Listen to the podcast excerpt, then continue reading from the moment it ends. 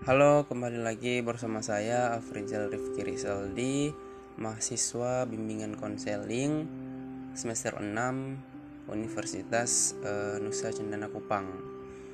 Baik, pada pertemuan kita kali ini kita akan uh, membahas mengenai uh, persepsi orang-orang mengenai guru BK itu adalah polisi sekolah. Baik, di sini saya akan menjelaskan sedikit uh, apa sih BK itu yang sebenarnya sehingga orang-orang itu tidak tidak salah berpendapat bahwa guru BK itu uh, guru yang galak ataupun guru yang kasar seperti itu. Baik, kita langsung mulai saja. Uh, ada yang menafsirkan bahwasannya bimbingan konseling itu adalah tempat uh, menyelesaikan masalah, tempat pemberian hukuman, dan ada pula yang uh, menganggap bahwa bimbingan konseling atau BK itu merupakan tempat yang menyeramkan. Bahkan ada juga uh, yang menganggap bahwa BK itu tempat yang menakutkan. Karena mereka berpikir bahwa guru BK itu galak, guru BK itu sad apa uh, garang, guru BK itu sadis, bahkan bertindak kekerasan secara fisik. Uh, sehingga hal tersebut, hal ini menimbulkan uh, kesan bahwa guru BK itu merupakan polisi sekolah Baik, sebagai contoh, uh, siswa ada siswa yang datang terlambat ke sekolah ataupun siswa tersebut dia melanggar tata tertib sekolah.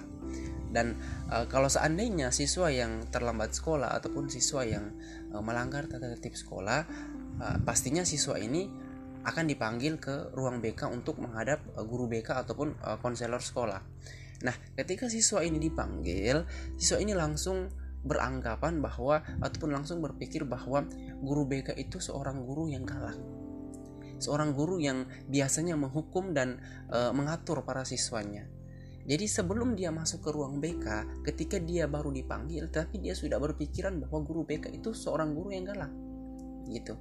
Karena dia sudah mempunyai persepsi yang yang begitu salah mengenai guru BK ini.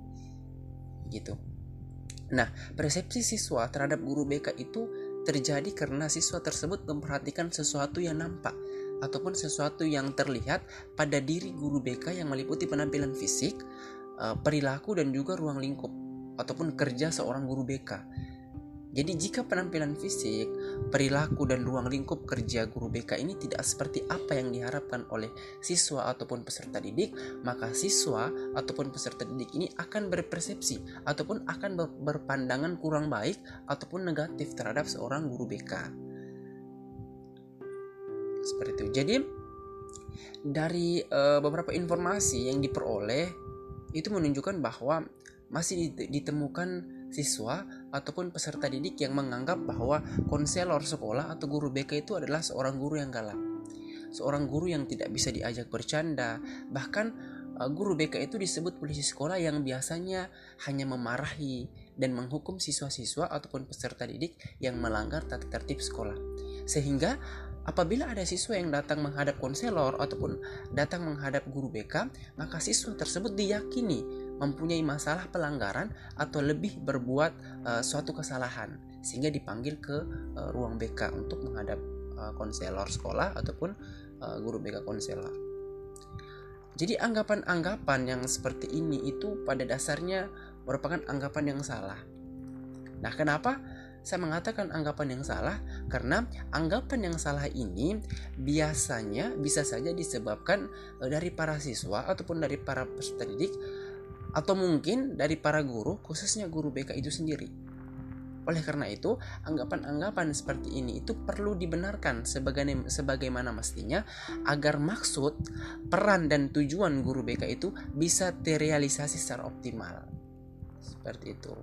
Jadi di sini saya ingin uh, mengatakan bahwa guru BK itu bukan bukan bukan polisi sekolah. Guru BK itu tidak tidak galak, guru BK itu tidak garang. Tidak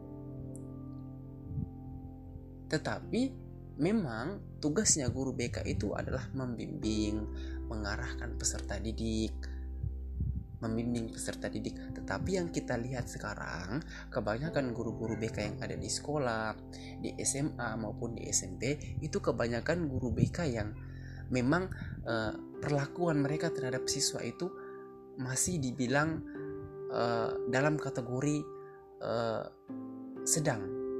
Nah, kenapa saya mengatakan dalam kategori sedang? Karena masih banyak guru BK yang masih mengandalkan emosinya, begitu. Jadi ketika dia uh, mendapatkan siswa yang bermasalah, itu ketika dia uh, membimbing siswa itu, dia bukan membimbing dengan hati yang lembut, dengan perkataan yang baik, tapi kebanyakan dari mereka yang uh, melakukan tindakan kekerasan kepada peserta didik yang uh, mengalami masalah tersebut. Misalnya kekerasan secara verbal maupun kekerasan secara non verbal seperti itu. Makanya banyak peserta didik yang menafsirkan banyak peserta didik yang beranggapan bahwa guru BK itu guru yang galak guru yang garang. Bahkan ada juga yang mengatakan sebagai polisi sekolah.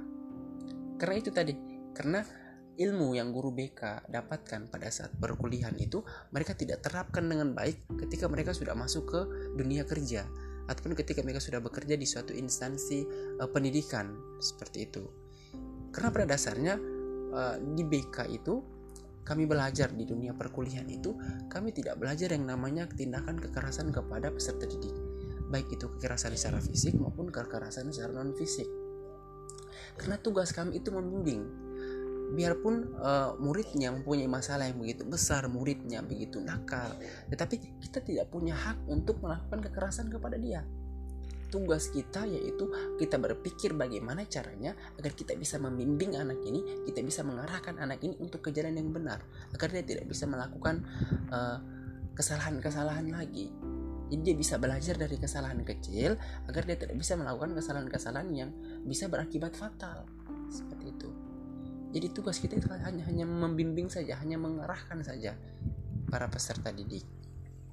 Tapi banyak guru BK yang tidak menerapkan seperti itu. Mereka masih mengandalkan emosi mereka untuk menyelesaikan masalahnya si peserta didik. Jadi ketika ada peserta didik yang punya masalah ketika peserta didik masuk ke ruang BK yang uh, banyak guru BK yang memarahi dia menceramahi dia tanpa memberikan solusi dari permasalahan yang dihadapi seperti itu baik teman-teman sekalian Nah, untuk pertemuan kita kali ini mungkin hanya itu saja yang kita bahas mengenai persepsi orang-orang mengenai guru BK itu adalah polisi sekolah. Nanti uh, kalau masih diberikan kesempatan kita akan bertemu di uh, minggu depan di topik yang baru lagi. Baik, hanya itu saja. Saya Afrizal Rifki Rizaldi pamit undur diri dan selamat siang.